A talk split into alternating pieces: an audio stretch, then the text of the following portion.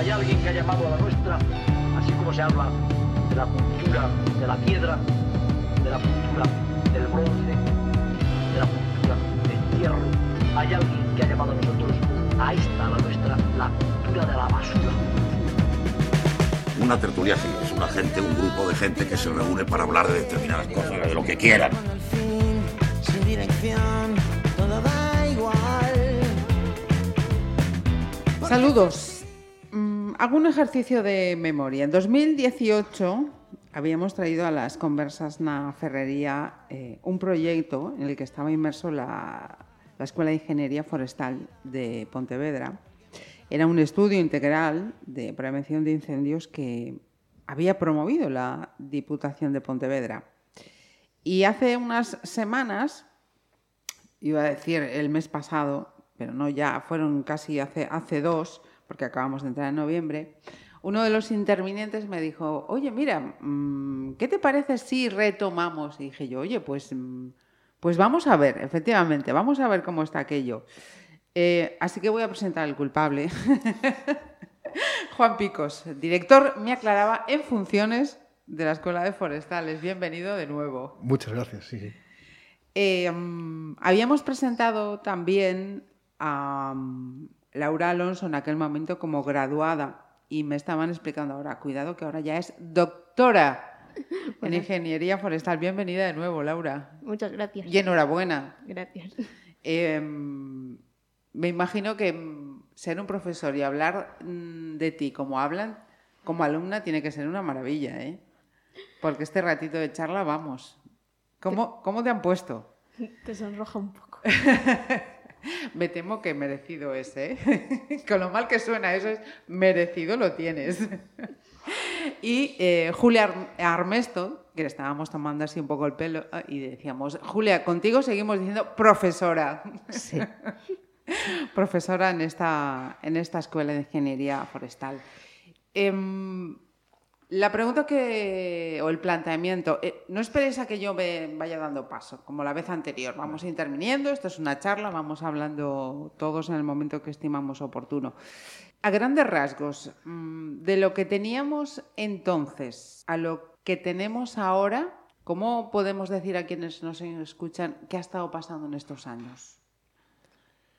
Bueno, eh, estos años han confirmado lo que sospechábamos en el 17. ¿no? Es probable que antes estuviera pasando, pero no nos dimos cuenta hasta que en el 17 tuvimos esa- esos días de octubre tan tremendos con esos grandes incendios forestales. Lo que ha pasado desde entonces es que no solo en Galicia, sino en otras regiones, hemos ido confirmando esta tendencia a tener cada vez menos incendios, pero de vez en cuando algunos de esos incendios de manera mucho más grande, mucho más difícil de controlar. Ujú. Porque el objetivo inicial de aquel eh, proyecto, recordamos cuál era y, en qué se ha convertido a día de hoy. Bueno, en su momento la Diputación pues, nos preguntó qué había pasado, si sabíamos qué había pasado y qué, podría hacer. y la verdad es que hay que agradecer aquella confianza y aquella oportunidad que nos dieron de demostrar que podíamos analizar en más profundidad que lo que se suele hacer habitualmente, pues un fenómeno de incendios como, como aquel. ¿no? Eh, y algunas de las cosas que empezamos a percibir o que pudimos objetivar con, con datos, con cartografía, bueno, pues realmente a día de hoy no solo es que sigan siendo válidas, es que además han dado lugar a muchas líneas de investigación para ahondar todavía más en ese, en ese proceso. Ujú. Y de los, ya dentro del propio grupo, de los tres que estabais ahora, decíais antes, a- ahora ya sois más, Siete. de, de tres a siete. Correcto. Fijaos, em, Y, algunos más, y algunos más que han ido pasando y ahora están en otros lugares. Así y han pasado así más es. gente. por ahí.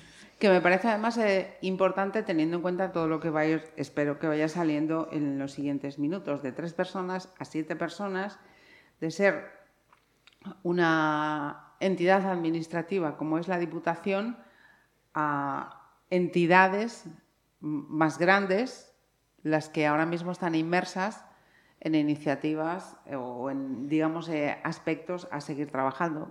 ¿Cuáles eh, serían? Me las has señalado. Es para no ir dando yo lo que ya Sí, me has sí. contado antes. Bueno, pasamos de, un, de, un- de una primera semilla que, que la Diputación un poco puso como un encargo muy concretito y, y- y, digamos, relativamente modesto, pero muy importante porque fue la primera vez que se nos planteó este aspecto, a tener a día de hoy eh, en marcha eh, proyectos de carácter eh, autonómico a través de la Consejería de Medio Rural, de carácter nacional a través de- del Ministerio de convocatorias competitivas en el Ministerio y proyectos de carácter internacional, eh, tanto eh, digamos los programas H2020 como Interreg. Eh, bueno, pues realmente el, el- el crecimiento y, y yo creo que un poco la, el reconocimiento de que esa línea de investigación está en el camino correcto viene también un poco por estos proyectos.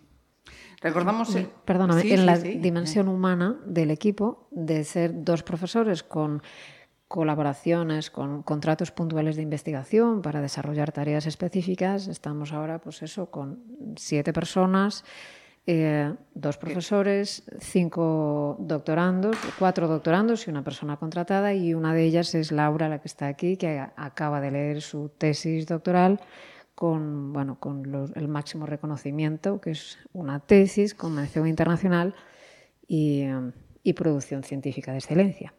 No le veis la careta a- ahora a, a Laura, pero si se la vieses, de repente se le ha subido así el color. ¿Qué importancia tiene esto que viene haciendo ella Bueno, mm, el- relacionado con este proyecto?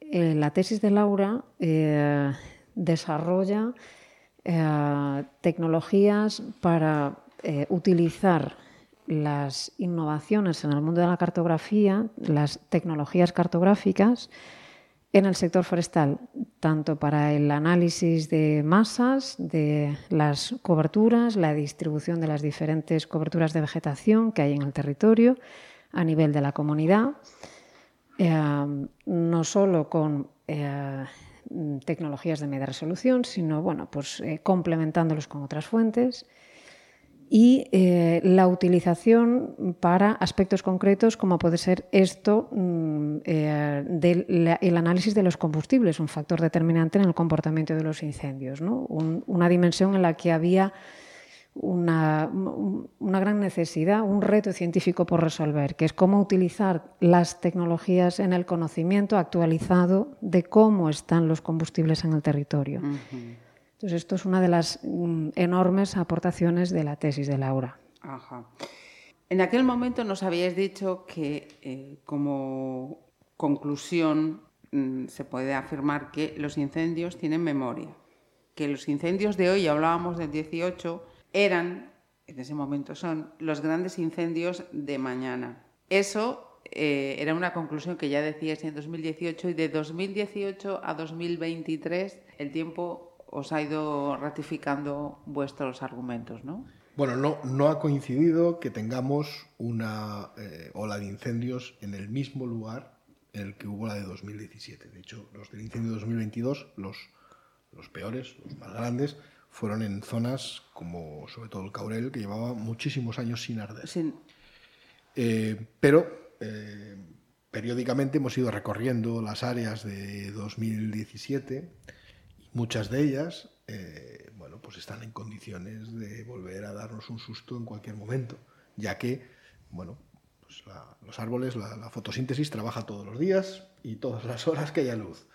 Eh, domingos, festivos y han pasado suficientes años para que con nuestro clima eh, la vegetación haya vuelto a ocupar un espacio que eh, si íbamos en 2018 res- después de los incendios estaba prácticamente todo negro y la vegetación había desaparecido. ¿no? Toda esa ha vuelto a su sitio.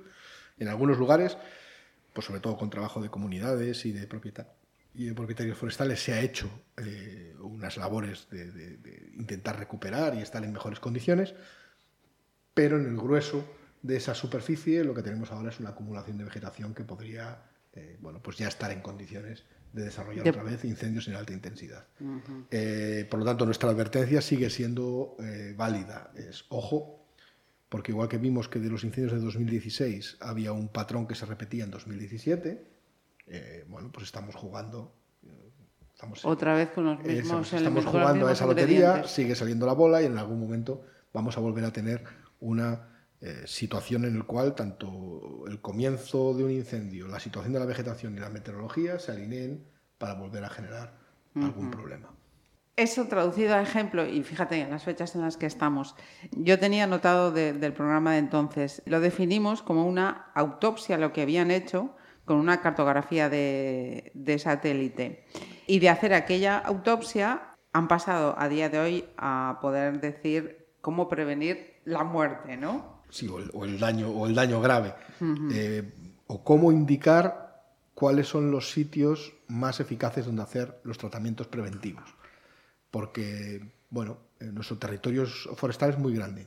Eh, nuestro territorio de interfaz rural, entre donde tenemos las construcciones y tenemos el, el resto del territorio, es, es muy extenso. Es imposible, económicamente, incluso en medios, tenerlo todo perfectamente Controlado. controlado. Entonces la pregunta es si tenemos que trabajar en una superficie o tenemos un presupuesto determinado, ¿cuáles son los sitios donde esa actuación va a ser más eficaz? Y ser capaz de dirigir el, esfuerzo que pues, realiza, en este caso la Junta, pero al final la Junta lo realiza con los impuestos de todos, me refiero todo el esfuerzo que la sociedad está empleando en tratar de prevenir los incendios, cómo llevarlo a donde es más preventivo, más, más eficaz. Pues en el caso de la enfermedad sería, oye, ¿qué tratamiento es el que eh, es probable que funcione mejor para prevenir el efecto? Quizá no lo podamos evitar, pero que el daño Paliarlo al Sea máximo. Ujú. Julia y Laura, estáis muy calladitas. Porque yo soy, muy- yo soy muy pesado. Lo dejamos, lo dejamos. Habíamos comentado en aquel momento esos elementos a, a controlar. Me habíais corregido muy bien. De los que vas a citar, hay dos que, bueno, pues controlar, controlar no- no se pueden. Meteorología, topografía y el combustible del, monte, ¿no? ¿Cómo estamos con la meteorología? Eh, lo que sí va- vamos oyendo cada vez con más frecuencia eh, de aquel momento del 18 a hoy es lo del cambio climático, cambio climático, cada vez así, ese martillo o pilón ahí, cada vez con más, con más frecuencia. La topografía es, es la que hay y el combustible del monte. Eh, ahí sí que hay agentes, muchos, públicos y privados, que pueden colaborar o, al revés, o no colaborar. ¿Cómo estamos en- con esos elementos? Bueno, en la meteorología, mm, pues eh, es evidente que cada vez, producto del cambio climático, mm, tenemos periodos de sequía mayores, tenemos sequía, mm, eh, digamos, temperaturas por encima de las medias anuales habituales de las series históricas. Eh, entonces tenemos situaciones de eh, periodos prolongados de mm, ausencia de humedad en el combustible, por lo tanto combustibles muy secos. Entonces, bueno, esa es la situación en la meteorología en la que nos movemos, eh, digamos, año tras año en los periodos estivales. ¿no? La topografía es evidente que ahí no hay nada que actuar, no, no hay nada que gestionar y es en los combustibles donde podemos eh, intervenir, tenemos capacidad para actuar y así se hace. ¿no? Las, eh, bueno, pues hay mucho, mucho personal invirtiendo esfuerzos en eh, gestionar las bajas de gestión de biomasa, es decir, para tratar de, bueno, pues de eh, introducir, eh, digamos, interrumpir la continuidad de los combustibles para poder, bueno, pues mejorar la situación del combustible y el comportamiento de los incendios, ¿no? Entonces es ahí en la, donde podemos, hay margen de actuación. La cuestión es saber, eh, pues eso, determinar qué actuaciones pueden ser más eficaces, qué, es- qué, in- qué tipo de intervenciones y dónde hacer las intervenciones, ¿no? Por eso es esencial, pues lo que estábamos comentando, ¿no? Mm, tener una cartografía de combustibles actualizada, saber dónde hay gran acumulación de combustible, dónde hay eh, continuidad horizontal en los combustibles, es decir, donde la vegetación eh, está disponible tanto en su extensión horizontal como en su disponibilidad vertical. Y disponibilidad vertica- vertical me refiero a que hay matorral, vegetación arbórea baja, vegetación arbórea, alta, y eso hace que, bueno, pues llegado un incendio, encuentre una gran cantidad de, De alimento. de alimento, así es, ¿no? Entonces, bueno, pues ahí es donde tener eh, todas estas tecnologías de las que hablamos para poder conocer todo eso y, y bueno, y digamos, todos estos proyectos en los que estamos trabajando, eh, lo que estamos intentando hacer es ver, bueno, pues qué situaciones de continuidad horizontal y vertical son las que generan situaciones que están fuera del control de los medios de extinción. Pues bueno, pues ese es un poco el reto, saber tener esa cartografía de combustibles actualizada y ver, mm, en función de lo que hay, cómo se comportaría un incendio, en qué momento, con qué situación meteorológica habitual o extraordinaria, eso va a generar una situación fuera de control. Sean cuales sean los medios, lleguen o no lleguen a tiempo, eso va a estar fuera de control. Bueno, pues un poco es el reto eh, y los, un poco lo, lo que estamos intentando arrojar un poco de luz a través de estos proyectos que estamos desarrollando. ¿no? Laura, tú asentías cuando Julia estaba diciendo cómo y dónde están esos eh, combustibles. Claro, porque mm, no es solo qué combustible haya, sino el sitio donde está y ahí es donde entra a jugar la topografía. Entonces hay que analizar todo en conjunto y se está haciendo nuestros proyectos con el uso de simuladores de incendios y lo que se hace es simular muchos incendios que pueden ocurrir y ver pues es una donde el incendio ya está fuera de capacidad de extinción por culpa de la eh, vegetación que hay y su posición topográfica, intentar ver que, con qué actuación selvícola consigues que cambie ese comportamiento. Para los que somos ignorantes en este tema, simulamos esos incendios. Eh, vale, es un software que tú le dices, se va a empezar un incendio aquí y hay esta vegetación, hay esta topografía, hay estas condiciones climáticas y aquí va a empezar un incendio. Y te hace pues lo que pasaría en la realidad en un incendio. Y son softwares altamente probados. Eh, en Estados Unidos lo usan en tiempo real para predecir lo que va a pasar en un incendio y apoyar a los medios de extinción. Vamos, que son los softwares son muy eficientes. Ahora que está tan de moda preguntar esto y de repente me vino así el, el flashazo, eh, mm, ¿trabajáis con la inteligencia artificial para esto o no tiene nada que ver? Sí, o sea, en el fondo, la inteligencia artificial no deja de ser una manera en la cual una máquina te da una respuesta con unas cosas que tú le planteas. Ajá. Si nosotros le estamos dando qué combustible hay en un sitio, qué vegetación hay en un sitio, qué condiciones meteorológicas hay y qué topografía se va a encontrar, o si tiene medios de extinción o no, eh, la respuesta de la máquina es qué intensidad tiene el fuego ahí, qué altura de llama, qué velocidad de propagación. Entonces, realmente cuando estamos hablando de simular, lo que está corriendo por detrás es algoritmos y, programación que intenta replicar la situación real. Y por tanto, bueno, pues no deja de ser una cierta eh, aplicación de lo que se llama la inteligencia artificial en sentido, en sentido amplio. Que pues en estos años, desde que vinimos la otra vez aquí, pues nos estamos encontrando además la oportunidad y la fortuna de que el desarrollo tecnológico ha acompañado que podamos hacernos cada vez preguntas más complejas desde el punto de vista de los sensores. Ahora ya no solo tenemos unos determinados satélites, no solo tenemos, cada vez tenemos mejores sensores a precios más asequibles y por tanto más fáciles de implementar. Y además todos los procesos eh, de programación, pues, de inteligencia artificial, de utilizar la potencia que tiene eh, pues, la computación para que nos permita, pues cuando Laura habla de hacer el mapa de vegetación en Galicia, pues son calcular todos los meses 400 millones de píxeles. Cuando estamos pensando en hacer un mapa de alta resolución, son 21.000 millones, si no me equivoco, de píxeles. Claro, eso, es, digamos, esa escala no es humana. ¿no? o, o utilizamos los medios computacionales o no seríamos capaces de, de- de- de tener respuestas. Por eso también es la primera vez donde nos podemos plantear esto. Coger una comarca, simular miles de incendios y ver lo que pasaría con esos miles Con de incendios. Eh, y ver si hay patrones en esos miles de incendios. Y a partir de ahí pensar cómo debe ser nuestra prevención para evitar esos patrones. Simular que hemos hecho esa prevención y volver a hacer todos los incendios y ver si ha cambiado algo no nos obliga a aprender escarmentando, a aprender de cuando ya hemos tenido el incendio, sino intentar adelantarnos, Adelantarse. simular, replicar esos incendios y ver si eso nos da una pista sobre dónde son los sitios más probables. Incluso simular climas que todavía no tenemos o situaciones meteorológicas que no son frecuentes, porque al final esas son las que nos generan el problema. Si nos fiamos solo de nuestra experiencia, solo estaremos actuando respecto a lo que ya conocemos, pero no podemos actuar respecto a lo que no conocemos. situaciones... Entonces, toda esta aplicación de la computación y de la inteligencia artificial, de los algoritmos, de los simuladores, nos permite ir un poco por delante por primera vez en la historia de los incendios. Mm, Me gusta que, hagamos esta, esta precisión porque, bueno, pues como todo se debate, hay que frenar la inteligencia artificial, hay que pues señores, como todo, depende del uso que le demos y el uso que le demos se lo damos las personas, no las máquinas.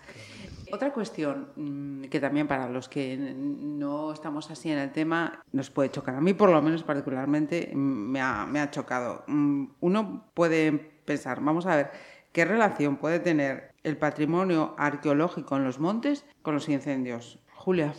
Sí, bueno, mm, lo primero decir que tenemos en Galicia un patrimonio arqueológico riquísimo, mm, por abundante, no solo por el valor que tiene el elemento en sí, sino porque tenemos muchísimos enclaves patrimoniales. Y, eh, estamos hablando de miles de yacimientos arqueológicos distribuidos por la geografía gallega. Esto lo primero. Lo segundo es que los yacimientos arqueológicos, para que sean visitables, disfrutables y se puedan poner en valor y puedan llegar a la población, pues tienen que ser visibles y, y tener un entorno transitable. Eso requiere una, una cierta actuación sobre la vegetación eh, circundante. Eso, mm, eh, digamos, lo siguiente, ¿no? la tercera dimensión, es que tiene que guardar unas ciertas condiciones de seguridad. La, mayor parte de las visitas a un yacimiento, un yacimiento arqueológico se van a producir en, en verano, digamos, ¿no? O sea, en meteorología favorable. Entonces, bueno, en esas Teniendo en cuenta esos, esas cuestiones, lo que nos planteamos es que los, digamos, esas actuaciones de la vegetación para que sea visitable y apreciable eh, van alineados con la prevención de los incendios. Al final, la prevención de los incendios está ligada a la disminución del combustible disponible. Entonces, el- confluyen ambas cuestiones, que el patrimonio sea visitable y eh, actuaciones de prevención de incendios. Y la prevención de incendios también eh, tiene que contribuir a que esos sitios arqueológicos sean visitables en condiciones de seguridad. En el momento que se pueda producir un incendio en el entorno de un yacimiento arqueológico, hay que asegurar o hay que, eh, digamos, tener previsto que ese, ese sitio sea un sitio seguro para las personas que están allí. Entonces, digamos, ahí es donde entra la confluencia, la sinergia entre ambas cuestiones la protección eh, y la actuación sobre los elementos arqueológicos y la prevención de incendios. Actuando sobre la vegetación que está en un entorno arqueológico, podemos hacer proteger el elemento, proteger a las personas, pero además, ya que hacemos todo eso, si profundizamos en ello, podamos hacer que un incendio que llegue a ese sitio mm, no, no, digamos, no traspase esa área y incendie pues, masas forestales que estén más allá del yacimiento arqueológico. Es decir, puede jugar un papel fundamental en la protección del territorio, del, conte- del territorio de alrededor. ¿no? Es decir, puede su- suponer un cierto freno o una dimensión de intensidad del, y por lo tanto que sea eh, abordable por los medios de extinción que puedan llegar a ese elemento. ¿no? Entonces, digamos, un poco ese es el, el planteamiento de la sinergia potencial que hay entre el patrimonio arqueológico en, en el monte, en los montes gallegos, y la prevención de incendios. ¿no? En eso estás estudiando ahora. En estás eso estamos, en eso estamos, exacto, ¿no? En el marco de ese proyecto de ámbito nacional, eh, estamos profundizando en ese aspecto, ¿no? Acabo de preguntarle a Julia por este proyecto de carácter nacional. Hemos visto hasta dónde está llegando lo que está investigando y los trabajos y ese doctorado de Laura. Estamos viendo en definitiva la proyección que está teniendo lo que sale de la Escuela de Forestales de aquí de Pontevedra.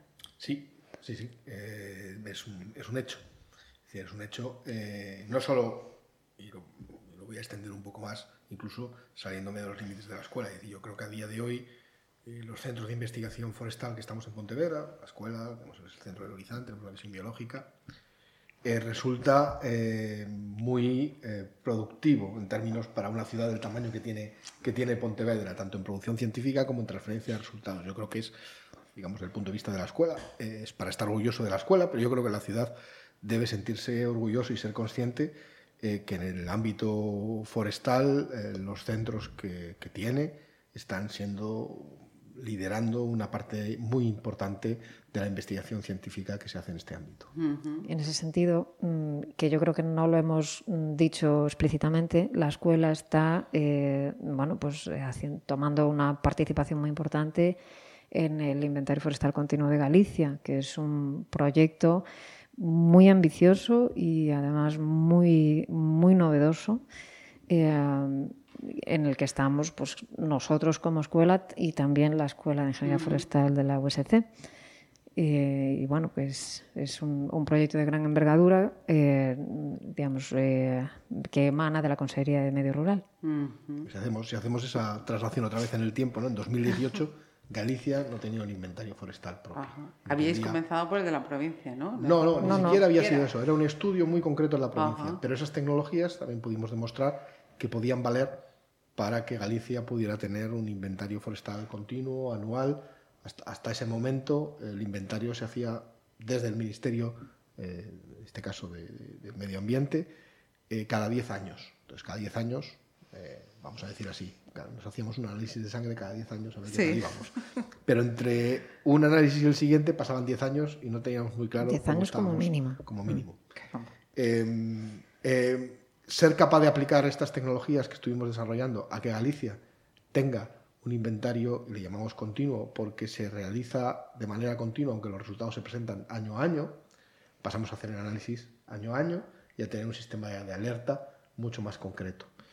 Que la Consejería de Medio Rural haya liderado ese proyecto haya- o se haya convencido de, que, de que es posible hacerlo y haya contado con las dos universidades gallegas, incluida nuestra escuela, pues, pues obviamente es un cambio muy Brutal. significativo porque como estamos viendo en la- lo que es la investigación científica, es una bola de nieve. Es esa primera eh, primer copo de nieve el que acaba generando, eh, acelerando eh, la, la investigación. Esa semilla que se empezó aquí con la Diputación, pues ahora mismo es, es- tiene un- una dimensión y un impacto mucho más grande. Pero es que un proyecto como el Inventario Forestal Continuo de Galicia, que va a estar movilizando tal cantidad de información de manera anual, va a dar pie a que de ahí salga mucha más investigación, mucho más resultados y mucha más ciencia con eh, objetivo de, de- de- de mejorar la situación en lo que refiere a los montes. ¿no? Entonces, esa sensación de eso, de la bola de nieve que va creciendo, eh, es muy, muy importante. Por eso también, en muchos casos, cuando se discuten las políticas científicas, las políticas educativas, ¿cuánto cuesta tener una escuela de ingeniería forestal en Pontevedra? La pregunta es al revés. ¿Cuánto te cuesta no tenerla? No tenerlo. Sí. Eh, es decir, ¿por qué ese esfuerzo que ahora tú dices que puede ser grande o pequeño, es, no deja de ser una semilla lo que puede producir en el futuro? ¿no? Eh, pues, y vuelvo otra vez a lo que decía antes, es decir, estos centros que en sí mismos somos pequeños y nos comparamos con cosas que hay por ahí, por Europa adelante o, o incluso por el Estado. ¿no? Pero aun siendo pequeños, eh, somos capaces de devolver con creces lo que se nos da. Y, yo creo que eso es también parte de la, bueno, pues de la filosofía o del, del- del orgullo de cómo incluso, pues eso, no tenemos que estar en Madrid, no tenemos que estar en Barcelona, en Múnich o en Berlín para generar buena ciencia forestal y en un lugar como Pontevedra, que ya lo fue históricamente, sigue siendo capaz de liderar estas cosas. Laura asiente. Sí, sí. Bueno, porque Laura estuvo en Berlín, ha, ha- ha recorrido el mundo también durante estos años y también ha visto. ¿no? Ajá. Y en relación a mm, esos dos proyectos de carácter ya mm, transnacional, vamos a decirlo, ¿no? que nos, nos sacan de, de España, ¿qué es lo que se está haciendo o se está pretendiendo hacer? Bueno, hay un proyecto Interreg que, que empezó en 2020 y que terminó antes de ayer, eh, que se llama FirePocTep, que es un proyecto Interreg donde hay casi 20 socios de toda la raya ah, hispano-portuguesa, desde Andalucía hasta Galicia, pero también con la contraparte portuguesa, gente de Algarve, gente de Coimbra, gente del Alto Miño. Eh, todo este grupo lo que estaba intentando es, eh, lo que hablábamos antes, cómo mejorar el territorio para evitar los grandes incendios forestales. Pues ese proyecto acabó antes de ayer, pero ahora mismo, eh, digamos, hemos presentado en la siguiente convocatoria otra vez el proyecto y el proyecto ha sido aprobado una continuación del mismo. Bien. Y además creo que me, me cabe también el orgullo de decir que, que la primer, el primer edición de ese proyecto eh, lo lideró la Junta de Andalucía como socio principal, como coordinador del proyecto de esos 20 socios. Y en esta segunda parte, pues el coordinador de todos los socios va a ser la Universidad de Vigo y nuestra escuela. Eh, con lo cual, bueno, pues no deja de ser también indicativo de ir aumentando también el peso específico a nivel, en este caso internacional, porque es con Portugal, de este tipo de estudios. Ajá. Ese es uno de los dos mm, proyectos. Ese es uno de los dos. Después estamos como socio en otro proyecto eh, europeo, H2020, en una convocatoria donde hay también socios de 12 países, que tiene que ver con la resiliencia de las masas forestales a las perturbaciones ocasionadas por el cambio climático. Eh, Explícame lo que estás hablando con, con una niña de parvulario para los que éramos de aquella generación. Bueno, ahora se lleva mucho lo del concepto de la resiliencia. La resiliencia ya es, Sí, eh, sí, sí. No, es no es que no te ocurran las cosas, sino es cómo, cómo eres capaz de recuperarte de un impacto. ¿no? Se entiende que el, el cambio climático, y ya lo comentábamos antes, está a generar eh, o está a poner en aprietos a las masas forestales que han crecido eh, con otro clima, con otras lluvias, con otras temperaturas y por tanto pues empezamos a tener problemas eh, ocasionados por eso en toda Europa por culpa de las masas forestales. En Centro Europa, por ejemplo, las plagas, hay determinadas especies de escarabajo que están generando graves daños en las masas. En otros lugares la sequía está generando problemas. A nosotros nos preocupan mucho los incendios. Este proyecto, en nueve áreas de estudio de Europa, establece casos de cómo mantener no solo los bosques, sino además las cadenas de valor que dependen de ellos, de una manera que sean menos afectadas por esos impactos en el futuro. Eh, es un proyecto muy ambicioso, la escala es, es muy grande, ahí nosotros somos solo uno más de todos esos 21 socios de 12 países que somos, pero, eh, pero también nos permite eh, estar en contacto con, con grandes expertos a nivel europeo y, y hacernos preguntas que hasta ahora no nos estábamos haciendo, de qué, qué va a pasar en los climas futuros. ¿no? ¿Y qué va a pasar?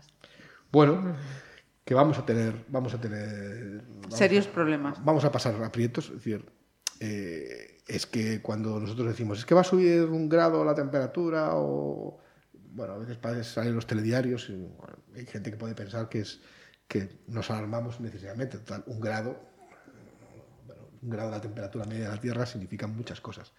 Y sobre todo para seres que no se pueden mover, como los bosques, que no se pueden buscar el sitio más fresco o más húmedo, que están en el sitio donde nacieron y que además la propia naturaleza de las masas forestales es durar décadas y no siglos, pues la estabilidad del clima, eh, eh, digamos, es necesaria. Si no, pues aparecerán árboles que se sequen porque ya no están en el clima que necesitaban y, vendrán otras especies o otros árboles se beneficiarán de esos cambios. Entonces, en toda esa transición, digamos, el ecosistema lo va a resolver. El ecosistema extinguirá por un lado, adaptará por otro, tarde o temprano acabará cambiando y no será un problema para el ecosistema. Pero para los seres humanos que vivimos alrededor de ellos, sí es un problema. Eh, porque obtenemos productos de esos bosques, obtenemos eh, servicios, recreo, estética, y además nos pueden amenazar, pues, por ejemplo, pues, con un incendio a nuestra propia eh, seguridad. Eh, mantener los bosques en mejores situa- situaciones para resistir esos cambios es una pregunta que hasta ahora el ser humano no se había planteado. El ser humano asumía que el clima era el que teníamos. Eh, es este momento de transición en el cual tenemos que, que hacernos estas preguntas más difíciles. Eh, y que además hay que crear también una parte de corpus de ciencia detrás, porque no, no, es nuestro problema ahora, no lo era hace 50 años, donde muchos de los que hemos aprendido eh, pues, ecología forestal veníamos de conocimientos que daban algunas cosas por hechas que ya no son tanto. Entonces, bueno, la ventaja de estos proyectos europeos, del, digamos, del H2020 es una construcción de una base de conocimiento eh, que sea novedosa, ¿no? y en este caso pues estamos en eso. Hablaba de, de- esa bola de nieve que se ha ido generando, ¿no? Esa- ese copito del que hablábamos en 2018 a lo que estamos hoy, para que veáis, pues eso, que ese edificio que está ahí en el campus de Pontevedra, pues de- desde ahí, eh, no el edificio en sí, sino las personas que trabajan en él, lo que, lo que están haciendo. Imparable, a ver quién para esta bola ya, ¿no? Sí, y además nosotros no somos la única bola que está en ese edificio. Hay muchos grupos de investigación que se dedican a otros temas que también están ahí. ¿no? Eh, y que a veces, precisamente por estar todos ahí metidos en el edificio, en nuestras cosas, no vamos por ahí por la calle contándole a la gente lo que hacemos. Yo creo que es importante que la gente también lo perciba. Eh, porque, bueno, pues uno se puede sentir orgulloso del, del equipo de fútbol de su ciudad si le va bien, porque ve el resultado y se habla de ello en la calle, pero de otras cosas que hace su ciudad a veces no tanto. Y creo que, bueno, pues es muy importante que la gente también lo perciba. ¿no? Ujú. Pues eh, que sí, que estamos en otoño, que estos días nos están cayendo unos eh, temporales, agua, lluvia, y dirá, y estos hablando de incendios, Eh, pues nos acaban de decir que es que trabajan todo el año, que es que esto no es solo de, de coger el tema cuando estamos ahí con treinta y pico grados, ¿no? Sí. Hay que es estar... más, cuando hay incendios son otros los que trabajan, y no nosotros. Son los que tienen que ir a apagarlo, los que tienen que... Nosotros tenemos que estar el resto del tiempo dándoles herramientas, ayudándoles a crear conocimiento que les ayude en ese momento. Pero en ese momento nosotros, desde luego, estorbamos. Eh, pues Julia, Laura y Juan, no sé si me he dejado algo, porque yo os escucho, voy aprendiendo, voy ahí quedándome con cositas. Y no sé si hay algo así que queráis eh, decir que me haya dejado en el tintero, decir, mira, es que es importante esto que lo digamos y se te pasó por alto. Pues no lo sé, no sé si la doctora quiere algo. la tenemos aquí muy callada, porque además es, es así, es, es suficientemente callada y luego, y luego escribe que da gusto. Sí, Laura. es así. Entonces aquí estamos Julio y yo, sobre todo yo, eh, acaparando el micro y a lo mejor no la dejamos hablar, no sé si quiere decir algo, pero... No, no, creo que está todo bastante bien por vuestra parte. Nada, agradecer la, la oportunidad, esta ventana de tiempo para contar esto, lo que hacemos, porque al final a veces nos quedamos sin el marco para contar lo que hacemos y hacerlo visible y que llegue a la sociedad, que desde luego para nosotros, desde, desde ahí, desde el interior del edificio, lo, pues lo bonito, lo satisfactorio es generar valor, devolver de alguna manera a la sociedad lo que la sociedad nos da, ¿no? o la apuesta que hace por nosotros, pues porque estemos ahí, pues para nosotros es una satisfacción y, y a veces también es una lástima percibir que no, no, no No siempre, llega. no siempre llegamos, no siempre conseguimos llegar o hacer visible lo que hacemos. Entonces, bueno, pues estas ventanitas, la verdad que esta ventana de oportunidad para poder contar se agradecen. Pues mira, hasta en este momento la ventanita nos está regalando luz y todo. Ojalá sea, ojalá sea una señal. Y lo dicho, pues estos micrófonos abiertos cuando queráis. Un placer. Muchísimas gracias. Gracias.